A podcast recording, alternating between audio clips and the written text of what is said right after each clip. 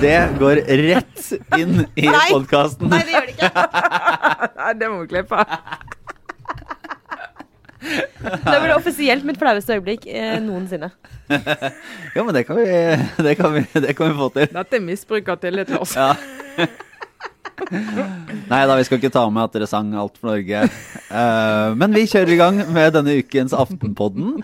Uh, på plass i studio er meg, Lars Lomnes og Trine Eilertsen. Hallo. Hallo. Sara Sørheim, god dag, god dag. Hei, jeg føler meg utsatt for et bakgårdsangrep, men det er greit. Vi er i gang. Ja. Ja. Nå lar vi fotballsanger være fotballsanger, og setter i gang med det som er eh, ukas lille podkast. Vi tar for oss uh, litt Sylvi Listhaug, fordi hun er tilbake. Ja. Og så skal vi snakke litt om Sverige, vårt uh, favorittgrannland. Uh, og så blir det en uh, liten prat om Vi har en liten uenighet rundt eh, Lise Klaveness. Ja. Ja. Og så er det litt OR. I det hele tatt en eh, god uke. Det vi ikke kan, eh, kan levere noe tungt segment på eh, denne uka, er pressekonferansene, Trine Eilertsen. Ja, jeg har sviktet. Jeg har sendt min mann i felten, Halvor Heggtun, som har, skriver nydelig vi jeg anbefale oss, og skriver, nydelige små oppsummeringer fra disse pressekonferansene der han får med seg alt det viktige. F.eks. at på Arbeiderpartiets oppsummering, der, der serverte de hummus Hæ? Hummus? tapas. Mens eh, Senterpartiet, som vi jo vet, for det tok vi opp i forrige uke, de serverte jordbær, og KrF serverte pizza. Og MDG har veldig slett servering, så vidt jeg har latt meg fortelle. Ja, fortell, for det hang jeg meg litt opp i, hvis vi kan ta det med en gang. det, står i teksten kokesjokolade, Ja. at det ble servert. Så det kan, kan- ha vært en dyr kortreist, om det er mulig, med kakaobønner. men så uansett, jeg vil bare si sånn Mørk sjokolade, men Halvor skriver kokesjokolade. altså, Og da skal jeg bare si at eh, å gi folk kokesjokolade, det er et av mine verste barndomsminner. Og det jeg hadde ikke en så veldig traumatisk barndom, men eh, det var veldig lite godteri i mitt de, barndomshjem. de ungene som står og griner nede i USA der. Ja. Eh, altså, ta dere en bolle. Sara Sørheim eh, måtte krabbe bort på, i skuffen og hente ut en, eh, Kokesjokolade. en gammel Kokesjok- kokesjokoladestripe. Ja, sånn der gammel kokesjokolade som er sånn hvit i kantene. Ja. Det var det vi fikk når vi til slutt fikk grine oss til litt godteri. Så det har jeg traumatiske forhold, altså minner uh, knytta til. Eh, og så hele mørk sjokoladesegmentet er bare no go for meg. Ja takk til smågodt med masse sånn syntetisk fargestoff. Ja, men den, her, her skal ikke, den debatten skal vi ikke gå inn i, for jeg og Sara er ikke kompatible på eh, snopefronten. Nei, Det er viktig å finne når man blir kjent med noen, å finne noen områder som man bare skal holde seg unna. Tenke Ja. at dette her er ikke vi her, Vi er gode venner, men dette er et tema som vi bare lar ligge. Det og dette- diskusjonen hvilken by er egentlig best, Bergen eller Oslo? Ja. Det også er sånn. La oss bare la den ligge. Ja, For mange så er jo den diskusjonen eh, innvandring. ja det er sant. Eller, eh, eller eldre, eller, eller Sylvi Listhaug. Ja. Eh, For eh, eks-justisminister er tilbake på Stortinget. Har jo på en måte holdt seg greit utafor de store debattene de siste månedene. har hatt et par, eh, par sveip der ute. En aldri så liten tur opp til Finnmark og, for å prøve å blamere en ordfører der som gikk sånn passe og vært litt ute, men eh, nå tilbake for fullt. Ja, eh, og dro altså på seg eh, halve landets lederskribenter eh, forrige helg eh, etter en Facebook-status igjen. eh, Der hun eh, kritiserte beslutningen om å legge ned eh, altså, Ja, det er litt vanskelig alt dette her, egentlig. Ja, skal vi hun- dra gjennom det sånn Ja, hun skrev en, en post som kritiserte byrådet eh, for nedleggelsen av St. Halvardshjemmet i Oslo. Et sykehjem. Eh, et sykehjem.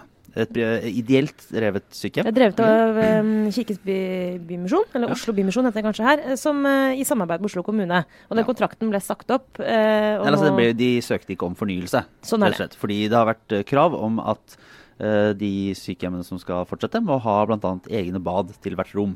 Og, og litt andre krav. Og så uh, påpekte hun at nå brukes eh, sykehjemmet til bosetting av romfolk. Og så skrev hun noe om at eh, byrådet burde skamme seg. Ja, eier det ikke skam. Nei, Ja. ja. Og eh, kan ikke du bare, Trine, dra hvorfor dette fikk bl.a. Aftenposten til å skrive på lederplass at eh, ja, at det kanskje var Sylvi Listhaug som burde skamme seg, og ikke byrådet i Ja, det har med eh, Jeg tror det er mange som har fått med seg at dette Talvårhjemmet er veldig, veldig godt likt eh, blant beboerne og pårørende. Det har vært en egen dokumentar på NRK om det. Og det har vært en, en litt sånn løpende diskusjon om hvordan du skal håndtere disse sykehjemmene som ikke oppfyller de moderne kravene, når beboerne der faktisk liker å bo der. Så det har vært en sånn sak som har gått der. Eh, men når, når, vi reagerte så sterkt på lederplass, er det fordi at Sylvi Listhaug eh, har en måte å kommunisere på som er fundert på at hun eh, gir eh, ingen bakgrunnskunnskap for det hun gjør. Viser ikke frem at hun har sittet sentralt i Oslo-politikken, faktisk vært eldrebyråd i Oslo. I en periode der alle disse kravene kom og ble vedtatt. Uh, og hvor hun heller ikke sier at uh, denne bruken av romfolk, uh, at de får lov å bo der, har jo skjedd med støtte fra Justisdepartementet, som bl.a. ble vedtatt da hun var justisminister. hun har vært, sittet sentralt i en del av de politikkendringene som gjør at sånt Halvårshjemmet nå ikke skal være sykehjem lenger. og etterlatt inntrykk av den meldingen, og det er det hun egentlig får kritikk for, det er at det er en, en, en kausalitet her. Eh, Oslo kommune prioriterer eh, tiggere og romfolk fremfor eh, eldre og syke som likte seg veldig godt på det hjemmet. Linje for linje er det ikke faktafeil i det hun skriver, men vi må kunne diskutere etterlatte inntrykk når vi ser på reaksjonene den posten utløser. Hvis du leser kommentarfeltet mm. under hennes post, da er det ingen tvil om at det blir oppfattet som at kommunen og det rød-grønne eh, byrådet her i Oslo har kastet ut de gamle for å få plass til eh, romfolk. Og Det må hun ta et ansvar for, og det mener vi at hun bør gjøre. Vi skrev på lederplass og mange andre aviser i Norge. Det var jo eh, forbausende samstemt på lørdag da alle disse lederne kom. Uh, og Det har med å gjøre at dette er en ny debatteknikk i norsk politikk. og Det er det som gjør at vi bruker så mye energi på det. For det er en debatteknikk som, som funker til et visst publikum. Eh, men så vi mener er riktig å påpeke når han brukes, for vi mener det er uredelig måte å debattere på. Ja, Det er dobbeltkommunikasjon på sånn litt avansert nivå, egentlig. Eh, og det er også eh, en type kommunikasjon som gjør at Listhaug med rette, som når hun endelig kom på banen med, med forsvaret sitt hun, Det var noen dager hvor hun ikke kommenterte saken, men nå bl.a. i Aftenposten hvor hun svarer på Harald Stanghelle sin kritiske kommentar og sier at det er ingen faktafeil i det jeg har sagt. Uh, og så tenker jeg ja, men uh, en så uh, dreven og erfaren politiker og kommunikator som henne vet jo utmerket godt hva som var hensikten med den teksten. så det blir en sånn Litt sånn spill for galleriet, litt sånn teknisk øvelse. liksom, Hun bygger sitt forsvar på at hun ikke har skrevet noe feil. Det har hun for så vidt rett i. Det er egentlig ikke relevant i den sammenhengen. Poenget er jo hva var egentlig budskapet ditt? Uh, og da må jeg si at det blir en veldig vanskelig debatt i offentligheten. Fordi vi snakker egentlig Vi driver egentlig med skyggeboksing, da. Det er det som blir effekten av en sånn type dobbeltkommunikasjon. At uh, hun sier 'Jeg har aldri sagt det'. Jeg har aldri sagt det. Altså, ja. Jo, men du har sagt det. Og da, da står det bare på stedet hvil. Det blir en utrolig Det blir slett en dårlig debatt av det. Men, men det, som, det, skjer litt det som har skjedd før nå, Sylvi Listhaug ut i debatten. For det hun oppnår det hun gjør, hun går ut med dette innlegget, og hvis hun følger sitt eget kommentarfelt, så ser hun jo hvordan det blir oppfattet. Mm. Og hvis hun mener at det er feiloppfattet, at det, at det ikke var hennes mening å gi inntrykk av at uh, det er faktisk Oslo kommune som sier at kjære gamle beboere, dere må rett og slett ut, dere får gråte så mye dere vil, men vi er nødt til å gjøre plass for romfolk og tiggere. Mm. Hvis det er inntrykket hun ikke ønsket etterlatt, så kunne hun gått inn i sitt eget kommentarfelt eller på sin egen Facebook-side og si ah, hallan, nå ser jeg at debatten sklir ut i det sporet. Det var ikke min mening. Uh, så jeg må, jeg, må, jeg må, presisere. Men det gjør hun ikke. Hun deltar ikke i Dagsnytt 18, hun deltar ikke i offentlig ordskifte. Hun lar seg ikke intervjue før det er gått noen dager. Mm. Og da er det fristende å tro, med fare for å, å, vite, tro at vi vet noe om hva andre tenker, for det vet vi ikke, men det er i hvert fall fristende å tro at hun gjør det nettopp for å få den effekten for å få den kritikken, og dermed for å utløse den sympatien og den støtten som vi ser at hun har mm. utløst i sosiale medier og blant sine kjernetropper, for så å komme og kritisere kritikerne og si ja, men det er jo ingen faktafeil her. Dette har hun gjort før. Hvordan synes dere, jeg bare tenker, hvordan noe av den, Jeg har sittet og, og vært på, måte, som, på desken i, i Aftenposten og skulle, skulle dekke dette. og Eh, da er det jo noen av de problemstillingene som, er, som dere påpeker. For det er så vanskelig å få folk til å, til å debattere det samme. Mm. Vi har jo da prøvd å få lista i tale, og så tar det et par dager, og så får vi et intervju. Og da vil jo hun bare snakke om OK, én, eh, alt jeg har sagt er faktuelt riktig.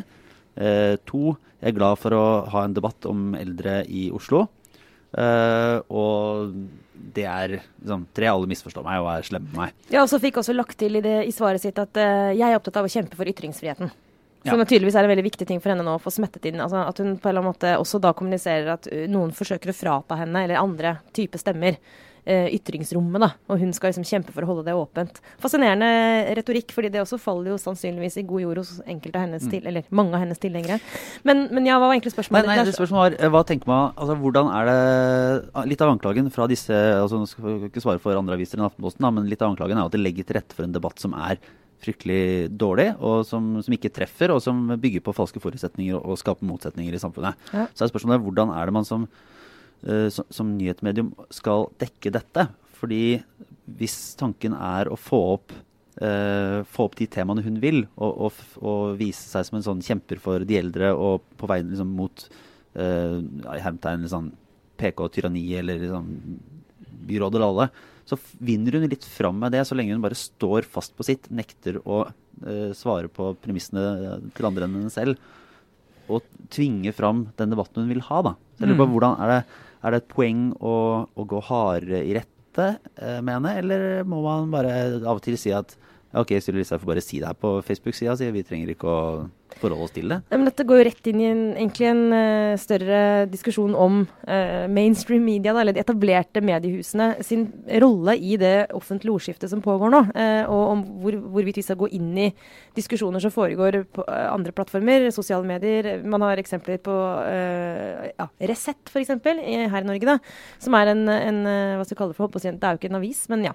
dere, våre lyttere vet hva Resett er for noe. Altså Skal vi gå inn i diskusjoner som går der, osv. Um, på en måte kan du si at ja, med en gang man går inn Hvis, hvis vi som redaksjon mener at en påstand um, på en måte bør møtes med kritikk, da. Eller her må vi bedrive kritisk journalistikk, er det jeg prøver å si så gir vi jo den påstanden oppmerksomhet. Og det er det, det mye av kritikken mot oss kommer jo også på at eh, vi Hvorfor vi vi Sylvi Listhaug så mye oppmerksomhet? Hun får mye mer oppmerksomhet enn alle andre politikere til sammen omtrent. Bare hun liksom skriver noe på Facebook, så kaster vi oss på. På den annen side så kan vi ikke la sånne diskusjoner pågå uten å gå inn i det heller. Men jeg syns i dette tilfellet at uh, faktisk.no har gjort det Det syns jeg liksom, belyser denne diskusjonen på en ålreit måte. De har gått inn i denne eh, diskusjonen helt sånn kjølig og bare faktasjekket de ulike påstandene som har kommet, og referert liksom Dette er det som har skjedd i denne saken. Uten å ta noe det er sikkert enkelte som vil mene at faktisk også har en politisk slagside, men her mener jeg at de gjør det de skal. De går inn og, og forteller leserne dette er det du trenger å vite for å se hvem det er som uh, kommuniserer åpent og ærlig, og hvem det er som på en måte Der var det jo litt, litt interessant, syns jeg, i den faktisk.no-faktasjekken, uh, for de sjekka jo det som var sagt av Oslo Frp, altså Carl I. Hagen og Einar Stenersen. Og de hadde, hadde ordlagt seg ørlite grann annerledes. For de hadde snakket om Nå husker jeg ikke helt formuleringen, det hadde jeg vært uh, gjennomprofesjonell nå, så hadde jeg jo hatt det uh, foran meg. Men, men de, de, som tillot seg premisset, uh, liksom dytta ut de eldre for å få plass til ja. det var, jeg kan, eh, fordi eh, eh Kausaliteten, ja. som Trine var inne på, eh, var litt tydeligere i, i det første utspillet fra Oslo Frp. Altså, ja. det, det, som jeg tror vi glemte å si i stad, er at det tok eh, ganske lang tid. altså St. Halvard-hjemmet sto tomt eh, en god stund før det ble beslutta å bruke det til, til overnattingssted for eh, bl.a. romfolk. Da. Men i, i første, det første utspillet fra Frp så virket det som det var omtrent dagen etter at de eldre flyttet ut, og at det var derfor de eldre flyttet ut. Det var, en, det var en språklig nyanseforskjell som gjorde at man kunne ta dem på at påstanden var helt feil. Altså faktisk ennå uh, vurderte den påstanden som feil. Uh, Sylvi Listhaug er jo en uh, utrolig, eller eventuelt Espen Teigen, hennes rådgiver, en uh, hakket smartere kommunikator, og unngikk akkurat den formuleringen, sånn at hennes påstand nok teknisk sett ikke kan sies å være feil. Det er jo et mesterstykke, uh, for så vidt. Jeg så bare, bare skyte inn det, det så, altså, så, ikke tøyse med folk som har skadet seg, men jeg så jeg bare si det likevel, for det var liksom altså Espen Teigen la ut selv på Facebook, uh, han smilte, så jeg antar det ikke det er en alvorlig skade, men han la ut på Facebook uh, nå at han hadde brannskadet begge hendene i forbindelse med matlaging. Så hans hender er nå helt bandasjert, tok han bilde av og la ut. Det er bare den ene tommelen, tror jeg, som stikker ut. Og det var jo fristende å lure på om det er sånn hvordan vil det påvirke den offentlige debatten? Altså sånn, ja. Jeg har ikke skrevet denne Facebook-posten.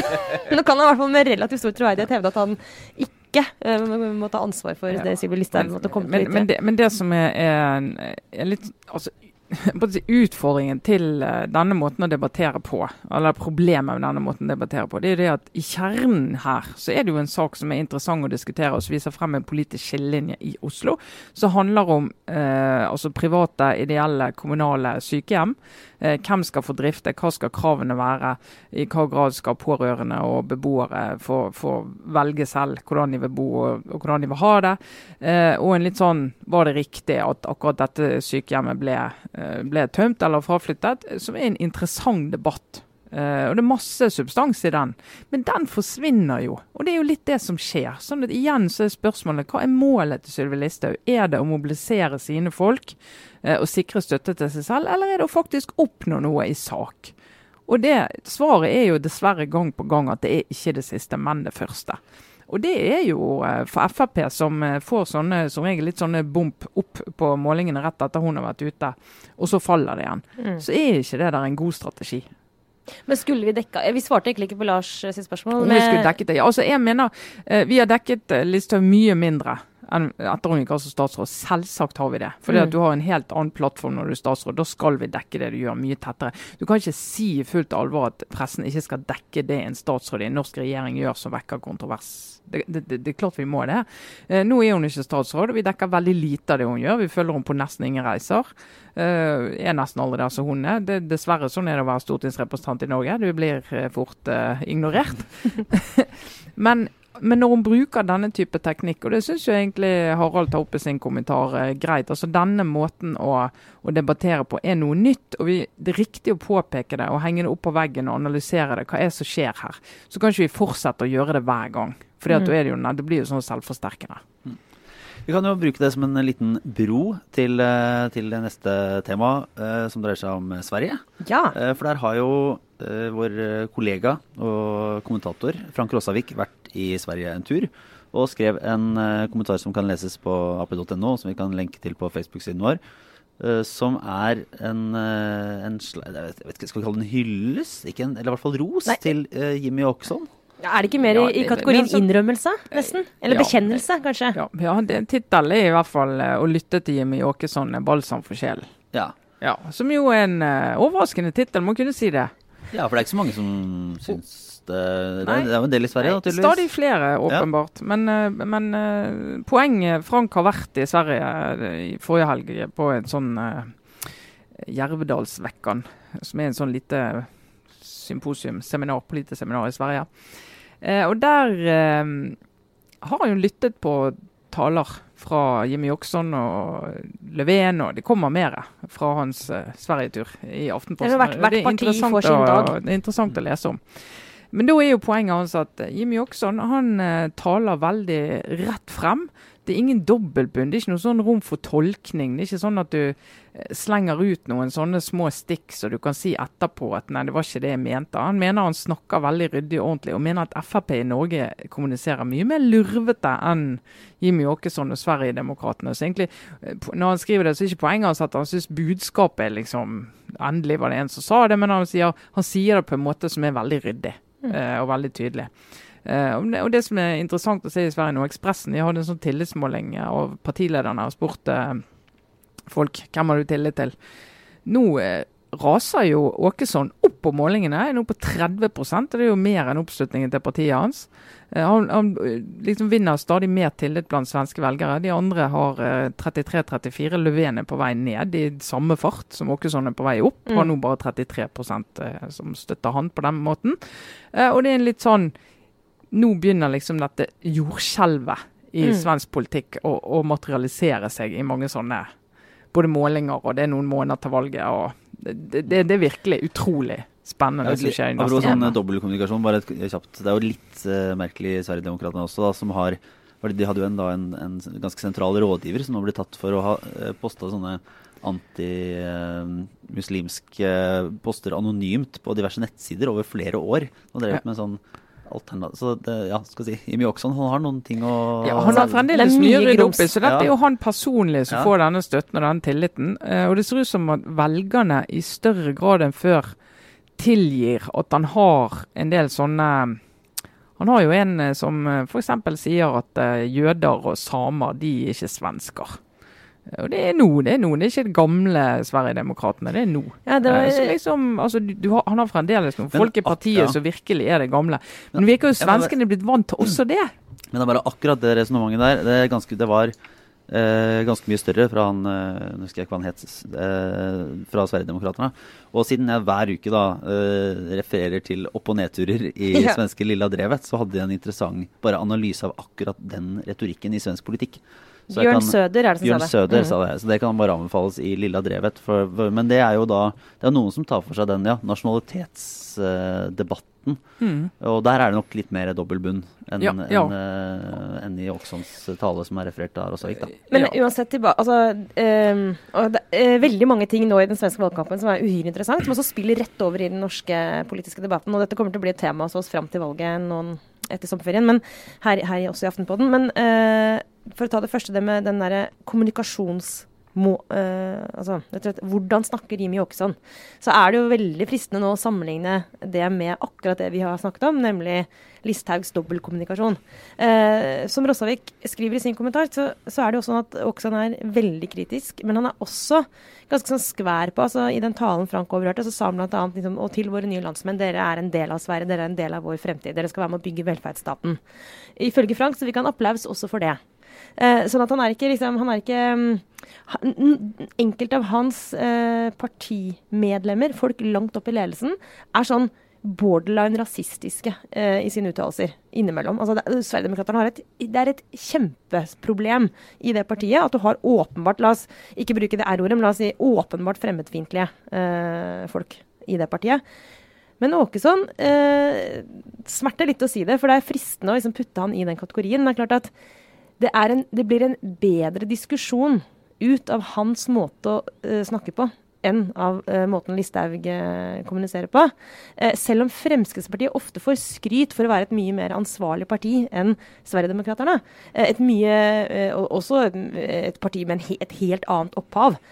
Kommer fra et helt annet sted. Et sted som er mye lettere å like enn Sverigedemokraterna. Men, men akkurat her så syns jeg faktisk at det, det er grunn til å si at der er der, Akkurat nå i hvert fall, så skaper Fremskrittspartiet en, en dårligere eh, innvandringsdebatt gjennom denne typen kommunikasjon. Eh, ja. I hvert fall jeg synes det var et interessant eh, poeng fra Frank. Mm. Når det er sagt, innvandringsdebatten er nå den eneste debatten i Sverige. Det preger eh, denne valgkampen totalt. Eh, det er liksom den ene saken. Eh, Sverigedemokraterna har veldig mye å vinne på å få flere te... Nei, unnskyld. Sosialdemokraterne og Löfven har veldig mye å vinne på å få liksom, andre temaer inn i valgkampen. Eh, jeg ser de prøver bl.a. å løfte liksom, diskusjonen om velferdsstaten f.eks. Men spørsmålet er om de kommer til å lykkes. Hvis ikke de lykkes med det, så Ja, det ser ikke bra ut, for å si det sånn. For den innvandringsdebatten, den er det Jimmy Åkesson som eier. Ja, og det er jo, det er jo de, Sosialdemokratene har selvsagt holdt det på å si, ikke noe sakseierskap til den saken. Det er det jo Sverigedemokratene som har, det er jo deres hovedsak. Eh, Og Sånn har vi jo sett i Norge òg, at med Arbeiderpartiet og Høyre, som i mange år hadde veldig altså felles egentlig liten interesse av at de skulle diskutere innvandring og asylpolitikk. Det var en litt sånn forliksstemning på det. Eh, For hver gang det ble tema, så det gagner eh, Frp, og det gagner verken Arbeiderpartiet eller Høyre. Eh, Og det er en litt sånn i Sverige er det enda mer markant, mens der har, sier jo velgerne, fordi de ikke har diskutert det overhodet i så mange år, så blir det, og nå har pendelen svingt helt over i andre enden, nå snakker de bare om det. De som ikke er interessert i det, må jo ha en kjempekjedelig valgkamp i Sverige. Eh, og det er jo tross alt en god del som ikke er. Men eh, da blir det Sosialdemokratene sitt problem. Men så lenge det er tema, eh, så blir de bare stående der og måtte forsvare seg. Og et parti som må stå og forsvare seg, gjør det aldri bra. Löfven faller på tillitsmålinger. Sosialdemokratene faller altså virkelig i en, i en skremmende takt, eh, sett med deres øyne. LO-medlemmer i, Sverige sa i høst sa eh, 45% av de i en måling at de ville stemme på Löfven. Nå er det nede i 38. Eh, og det er sånne, det vet jo vi her òg, når eh, Arbeiderpartiet mister grepet om LO, uh, som riktignok er mye tettere her enn i Sverige, så er det en kjempevarsellampe. I Sverige sier, sier målerne, i hvert fall, meningsmålerne, at de velgerne hopper faktisk rett til Sverigedemokraterna, eh, noen av de, fra LO, eh, av LO-medlemmene. Og det er jo det er liksom, Klarer du å snu det på to-tre måneder? De har ikke tillit til den politikken. Det er liksom, ok, Vi også skal være veldig strenge i innvandringspolitikken. Så de har akkurat sagt ja, men, men de 9000 eh, mindreårige asylsøkerne som ikke hadde rett på opphold, de skal få lov å være her likevel. Og da er det en del som Ja, OK, hvor dypt stakk det? Og da Mm. får Åkesson sin Se her. Disse kan dere ikke stole på. Et annet, et annet åpenbart problem både for uh, sosialdemokratene i Sverige og Norge, er jo at hvis du har innvandring som den ene saken du bryr deg om, altså hvis det er den aller aller viktigste saken for deg, så er det ganske sannsynlig at du allerede har, eh, har gått til partier som har en mye tydeligere eh, kritisk eh, holdning til innvandring. Da. Altså Fremskrittspartiet eller Sverigedemokraterna.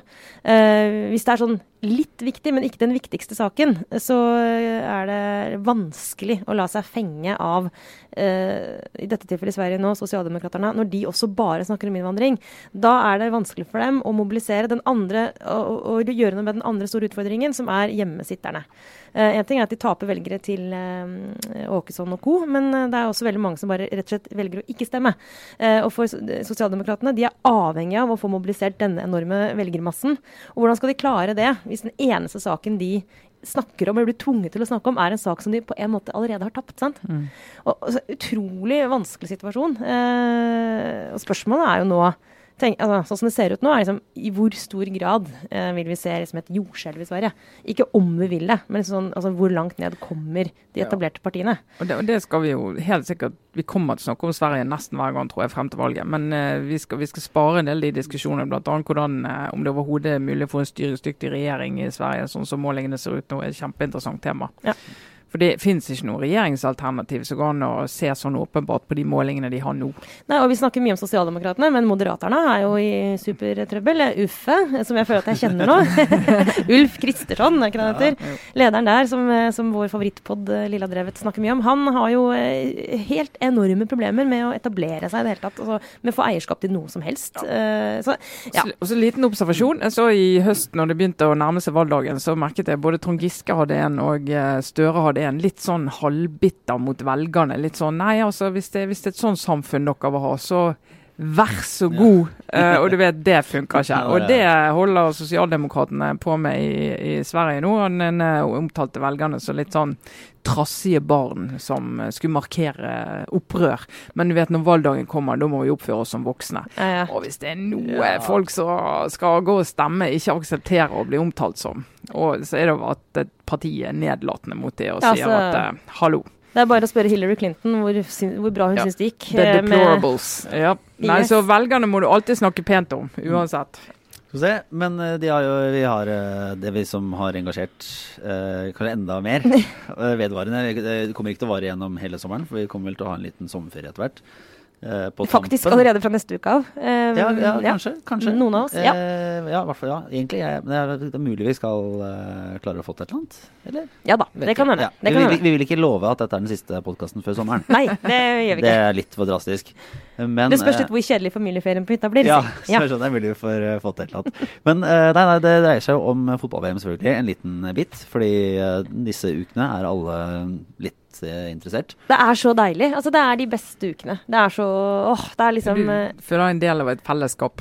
Ja. Ja. Det er ikke bare del av et fellesskap. Jeg føler meg underholdt. Eh, livet gir mening. Jeg trenger ikke lure på hva jeg skal gjøre. Altså, det er liksom fravær av eksistensiell tvil. Det eneste er selvfølgelig litt vanskelig å vite hvem man heier på i alle kamper. Men utover det, det er bare Det er luksusproblem. komme seg hjem fra jobben er vel egentlig det viktigste. Eh, ja. Tokampen er litt vanskelig å få sett, da. Akkurat det er litt problem. Ja. Men eh, nei, det som er egentlig var temaet, er den eh, skal si, oppfattelsen av eh, hetsen mot Lise Klaveness. ja. Ja, For det her er vi rett og slett- kommentator i NRK. Ja. Eh, og eh, den første måte, ekspertkommentator, altså kvinnelige ekspertkommentatoren i norsk Noensinne i Norge. noensinne, som, Mm. til herrefotball. Jeg vet ikke om det har vært uh, på kommentert uh, damesiden, men det er nå i hvert fall uh, sånn. Første VM, kvinnelige VM-kommentatoren, da.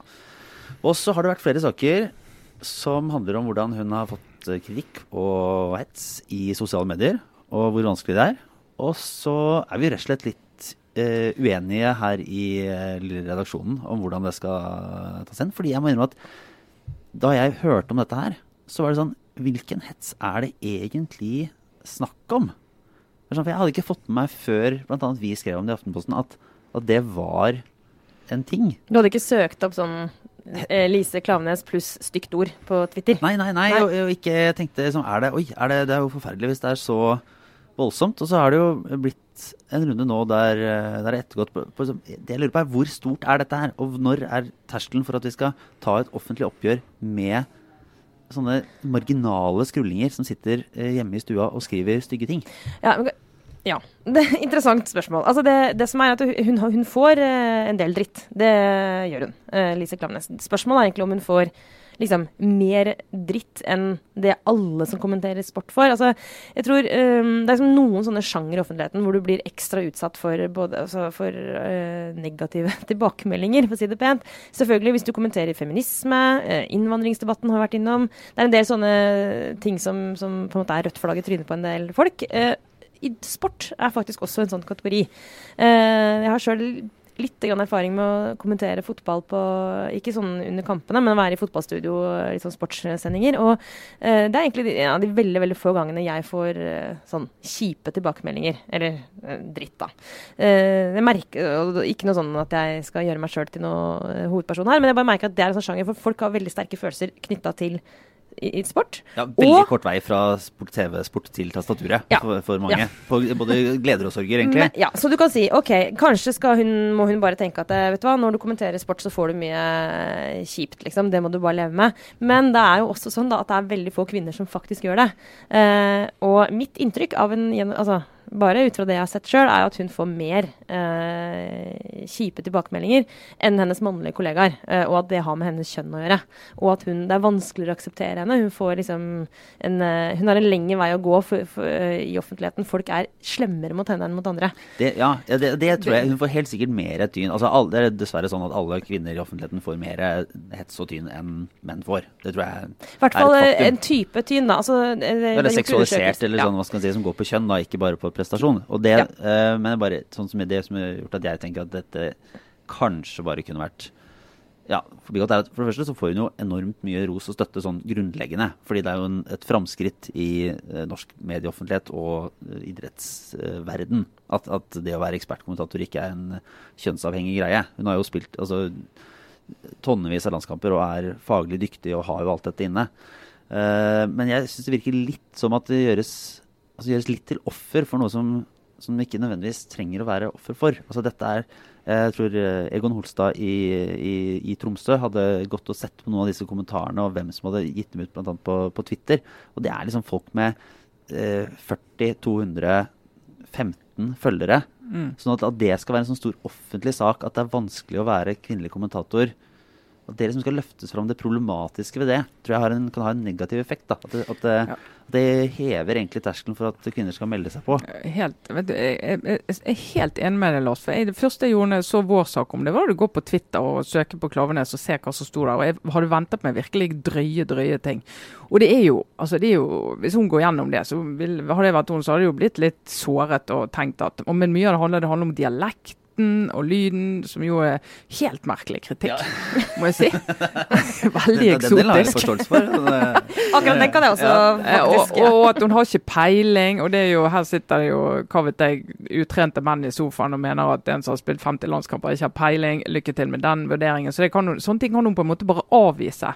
Uh, og, og, da tenker Jeg altså vi, jeg så igjen i kommentarene jeg synes ikke det var så, altså det er, jo, det er jo ille, men ikke sånn helt over alle støvleskafter. Det er ikke sånn veldig seksualisert og veldig grovt. Så vidt jeg kan godt hende det har utviklet seg, og ikke minst fordi vi har gitt det ekstra oppmerksomhet. Skal hende noen har gått inn i dette enda mer. Uh, men jeg også tror jo det at hvis vi og Hun har ikke ytret at dette er et problem. Hun har ikke ytret at hun blir støtt av det. Hun litt sånn Jeg leser ikke, jeg forholder meg ikke til, jeg har en jobb å gjøre, jeg må forberede meg til neste kamp. Som er den kule holdningen å ta. Uh, og det er ingenting som tyder på at det hemmer henne i jobben. Uh, og da synes jeg litt sånn, når, når, vi og sjefen hennes i NRK alle går ut og liksom lager sånn svært nummer av dette, så sier vi egentlig til mange jenter som kunne tenkt seg å gå den veien der, at dette er altså så tungt. Det er altså så blytungt. Det er litt sånn, altså Jeg er kvinnelig kommentator, har vært det i 15 år. og alle vi som er kvinnelige kommentatorer vet at det er jo det er mye rart der ute, og det er mye du skulle ønske ikke, ikke, skjedde. Og vi vet at vi får høre ting som mannlige kommentatorer ikke får. Men på et eller annet nivå så må du bare si at skal du være en del av dette, så må du tåle mer enn andre. Og vi kan aldri komme dit at vi skal liksom problematisere alt fordi det er kvinner, fordi at vi skal senke terskel, sånn at alle skal føle at det er riktig for dem. For det kommer det aldri til å bli. Og det Jeg vil tro, jeg har ikke fulgt veldig mange fotballkommentatorer og sett hva som blir sagt om dem, men det lille jeg har fått med meg, det er jo, det er jo en tøff tone fra publikum når en eh, kommentator enten sier noe de er uenig i, eller, eller altså, har noen ytringer eller utbrudd så folk syns er sløkket, så, så får de jo de får jo høre det uansett kjønn. Ja, ja. Ja, ja. Men Ja, men Sara? ja, Nei, for at det, eh, jeg, jeg skjønner jeg, jeg, jeg skjønner den analysen, Trine. Jeg kan, jeg kan liksom følge deg langt Ja, for jeg er så redd for sånn vanvittig ofrifiseringen av kvinner. Ja. At liksom Nå er det så mye som er sånn Gud, stakkars jenter. Nei, men vi, vi tar kampen for dere, vi, for dere klarer det jo ikke sjøl. Ja, og akkurat den der sånn stakkars lille venn, eh, er det tøft for deg? Den syns jeg også er utrolig kjip faktisk å få. Da føler jeg nedvurderer eh, både meg og andre kvinner. Men det er også litt sånn vel bedagelig innstilling å ha, eh, den du representerer nå, da. For det er litt sånn det er, det er sånn fristende og lett, og, og også det man får minst tyn for, er jo å være litt sånn Vet du hva, vi, verden går fremover. Vi må liksom bare leve med at det er litt tøft. If you can't stand the heat, get out of the kitchen. Videre. Men eh, noen ganger tenker jeg sånn Nei, vet du. ehm, det gjør det faktisk litt for vanskelig for litt for mange eh, å gå inn i det rommet. Eh, hvis ikke vi som allerede er der, liksom sier fra når vi ser ting som ikke er greit. Ja, men, Eh, men det er jeg enig med, men vi kan ikke si fra om alt. Altså, Nei, når, det, når det er trusler, når det er vold, når det er veldig seksualisert, når det går på kjønn og utseende og så sånne ting, skal vi si det. Men dette her, de kommentarene der, er de så drøye at vi må liksom si dette er et problem. Dette står i veien for kvinnelige fotballkommentatorer. Ja, jeg syns faktisk at det, jeg syns det er bra at vi eh, har lagd de sakene, fordi det viser også Det, det får folk som, som meg, f.eks., som syns hun er en veldig flink kommentator, og som liker å ha henne som kommentator på kamper jeg ser på, eh, får oss til å ytre det. Og Det er noe med å få til den balansen. Altså Hvis alle vi som eh, er konstruktive og hyggelige mennesker, ikke liksom gidder å, å ta eh, stilling til sånne saker, ikke gidder å ytre oss i offentligheten på sosiale medier, men overlater den arenaen til alle mulige drittslengere, Ja. tenker jeg sånn, gjør vi egentlig jobben vår da? Men det har ikke med gidde å gjøre, Sara. Det har jo med å gjøre hun tenker gagner det saken. Jeg, sant? tror det gagner saken at uh, man ikke trekker opp stigen etter seg, men at man tar hver eneste forbanna kamp og sier det er ikke greit, det er ikke greit, det er ikke greit. Ja, men, men terskelen for hva som ikke er greit, blir jo lavere og lavere og lavere. da. Og da blir det litt sånn til slutt Kan kvinner egentlig gå ut i dette samfunnet, disse persillebladene? Ja. og, og Lise Klovne selv har sånn altså, i- Mitt inntrykk er, og en som står mye nærmere hun enn jeg gjør det her, Hvis det er en som ikke bryr seg om dette, så er det jo hun. Jo, men det tenker jeg egentlig ikke er så relevant, faktisk. Altså, Det er good for her. Bra at ikke hun lar seg knekke av det. Kjempebra. Eh, ikke så relevant egentlig i sånn, eh, den vurderingen som går på skal man reagere på det eller ikke. Det er en form for individualisering. Altså, eh, det er veldig forskjell på hvordan folk tar kritikk eller tar dritt eller tar, tar ting som skjer. Men det gjelder jo menn også. Ja, men det er ikke sånn at det, bare fordi at Lise Klaveness tilfeldigvis liksom er veldig sterk i hodet, så er det greit at folk skriver sånne ting om henne. Hadde hun vært litt mer eh, Hadde hun blitt litt mer lei seg, så hadde vi liksom reagert. Altså, det må Men ikke bli lager vi, lager vi sak når en mannlig kommentator får kjempetyn og helt urimelig kritikk? Jo, men hun får mer tyn enn mannlige kommentatorer. Ja, hun, ja, hun- ja, Ja. gjør jo det, men likevel så er det litt sånn OK, skal vi lage virkelig en stor sak om det? Og liksom si dette er et stort problem for kvinnelige kommentatorer. Det der er jeg litt sånn, lurer på om det gagner saken. Ja, nei, jeg, Eller, ja, det er ikke sikkert det gagner Ja. saken, men jeg kjenner iallfall på en sånn um, Jeg syns faktisk det, man har en slags plikt. Og så er jeg enig, eh, Trine, det må jeg bare si. Jeg er enig i at uh, det går en grense for hva man skal henge seg opp i. Men, uh, men når kvinner brøyter vei, sånn som Lise Klaveness gjør, uh, så syns jeg at det er litt viktig at vi slår ned på når hun får reaksjoner som er øhm, Kanskje ikke for henne, men for, som for mange andre ville vært en eh, årsak til å la være. Ikke sant? Det er lettere å la være å gjøre det hun gjør. eh, fordi det er slitsomt, og det er ganske Og det, og det kjipt kommer, å stå i det hun står i. det, Ja, er det det? For hvem? For mange, nei, for veldig Ja, mange for er det mange det. er det det. Og det er det som for mange som de, De fleste kvinner i Norge kommer ikke til å være kommentator, Nei, kommer ikke til å være ha- debattant. Og, og vi kommer aldri dit at det er så hyggelig i offentligheten at det bare At alle kan være der. De Nei, men vi har et ansvar for å røkte den Ja, offentligheten. men det, det er jeg helt enig i. Og Derfor må vi være nøye med når vi går inn. Da må man være nøye med når vi går inn. Og de, Noen av de som har det aller aller tøffest, det er som du nevnte i stedet de som kommenterer innvandring. Det er innvandrere, kvinner og jenter som bidrar i offentligheten. Og det de opplever, det er en helt egen liga sammenlignet med det som Lise Klavenes har opplevd på Twitter nå. Og det må vi ta utrolig tak i. Det må anmeldes. Du må liksom oppsøke de som, eh, de som holder på med det der. Mange holder på med det i fullt navn. Eh, mange av oss kvinnelige kommentatorer har jo tatt kontakt med de som har hetset oss og bare sagt hva er det du driver med? Og med en gang du gjør det, så blir det oi. Eh, var det et menneske i andre enden? Eh, Jeg må, jeg må Unnskyld. Mm, Det er ofte reaksjonen, og så er det noen som er helt monomane og helt gal, og de blir du aldri ferdig med, på en måte. Okay, Men, men, altså, dette er liksom, men hvor går vi inn? Nå skal vi liksom sidestille enhver tøff reaksjon på Twitter med alle de andre veldig harde reaksjonene som du kan Nei. få som kvinne i offentligheten. Jeg, jeg, nei, jeg skal, nå er det sånn konkurranse om å få siste ord, men, men eh, eh, Nei, jeg, det, det du sa nå, eh, ja, enig. Men jeg er bare er opptatt av at vi kan ikke legge til Vi kan ikke ha en sånn type offentlighet hvor bare én type folk, nemlig de som har veldig tykk hud, er, føler seg komfortable. Nei, Men det, Det er det, er jo helt enig med deg. Men Ja. dette handler jo ikke om det, mener jeg. Faen, jeg fikk det siste ord. Ja ja, greit. Nei, jeg, kan, vi, vi jeg kan bare fortsette rett på en uh, obligatorisk refleksjon, som er en sånn uh, Hva skal jeg si? En fotballforlengelse. Men ikke en diskusjon om Nei. det vi snakker om nå? Ok, Nei. greit. Da får vi slippe den Ja. ballen. Greit. Ellers så lar jeg, jeg inviterer ikke til noen eh, flere sjanser. Men jeg skal bare anbefale en, eh, en eh, tekst som jeg leste på nett, og som er lagt ut på Facebook-sidene våre, av den belgiske spissen, eh, spissen Romelu Lukaku. Som er en sånn sak som når du leser den, eh, som, som bare virkelig setter ting i perspektiv, og er et enormt flott korrektiv mot illusjonen om eh, rike sånne playboys som ikke bryr seg. Eh, for Lukaku er jo da Han er jo et vanvittig talent av en fotballspiller. Eh, debuterte på det belgiske landslaget da han var 16. Eh, har foreldre fra, fra Kongo.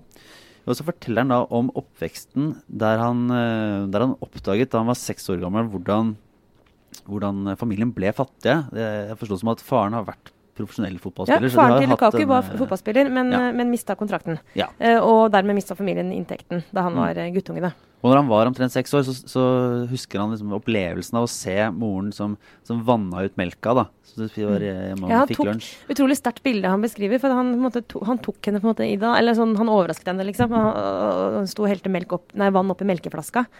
Liksom, for, for å få melka til å vare lenger. Det, det, akkurat det bildet, Lars, det jeg også leste den artikkelen, det var sånn tenkte, Det var seks år gammel gutt som står der, og så er han akkurat gammel nok til å skjønne hvorfor hun gjør det.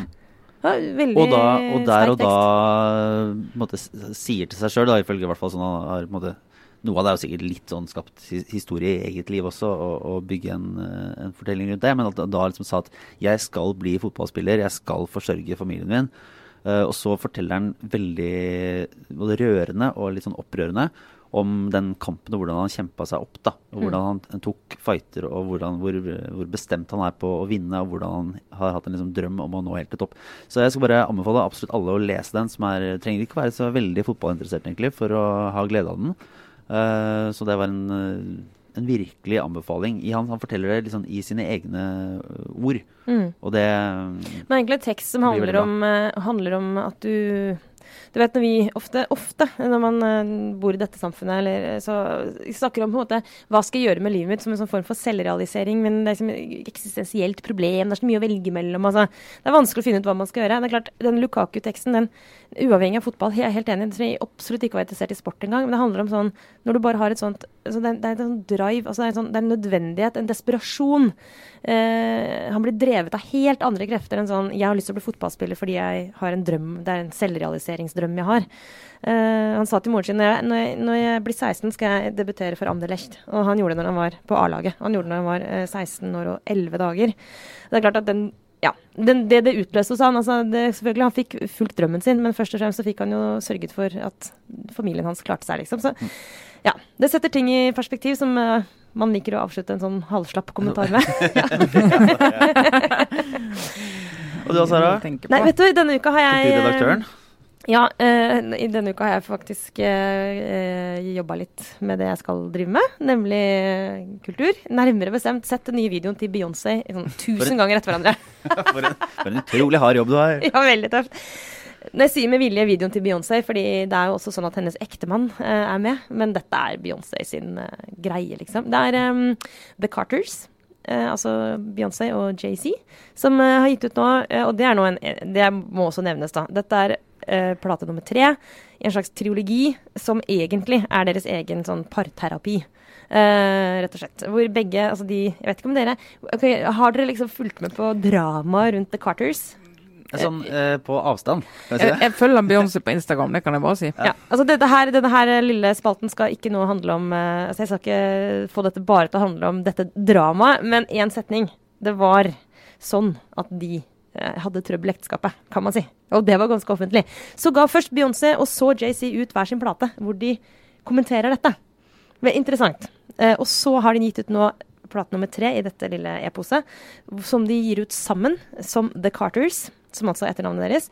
Hvor de synger, synger om eh, det å liksom finne tilbake til hverandre. Og liksom det er en hyllest til kjærligheten. da. Ganske klamt, Tror du, faktisk. men tror du det er, er det skeptikeren i meg får meg til å tenke sånn Dette har de konstruert det her. Vet du hva dette er for noe? Vi snakket om kommunikasjon eh, i denne sendingen. Eh, dette her er altså eh, helt utrolig både avansert og perfekt og ganske kynisk form for kommunikasjon i sånn som verden har blitt, hvor det private har blitt uh, offentlig, og hvor en, en ekteskapskrise uh, kan godt hende at den er helt reell. Det kan også være et uh, kjempebra PR-triks, eh, for um, de fremstår som at de er private, men de er jo egentlig fullstendig polerte. Og det bringer meg over til det jeg egentlig skulle snakke om, nemlig den videoen til da Apeshit, som er sang nummer én på dette albumet, og som er liksom den eneste som egentlig er ordentlig bra.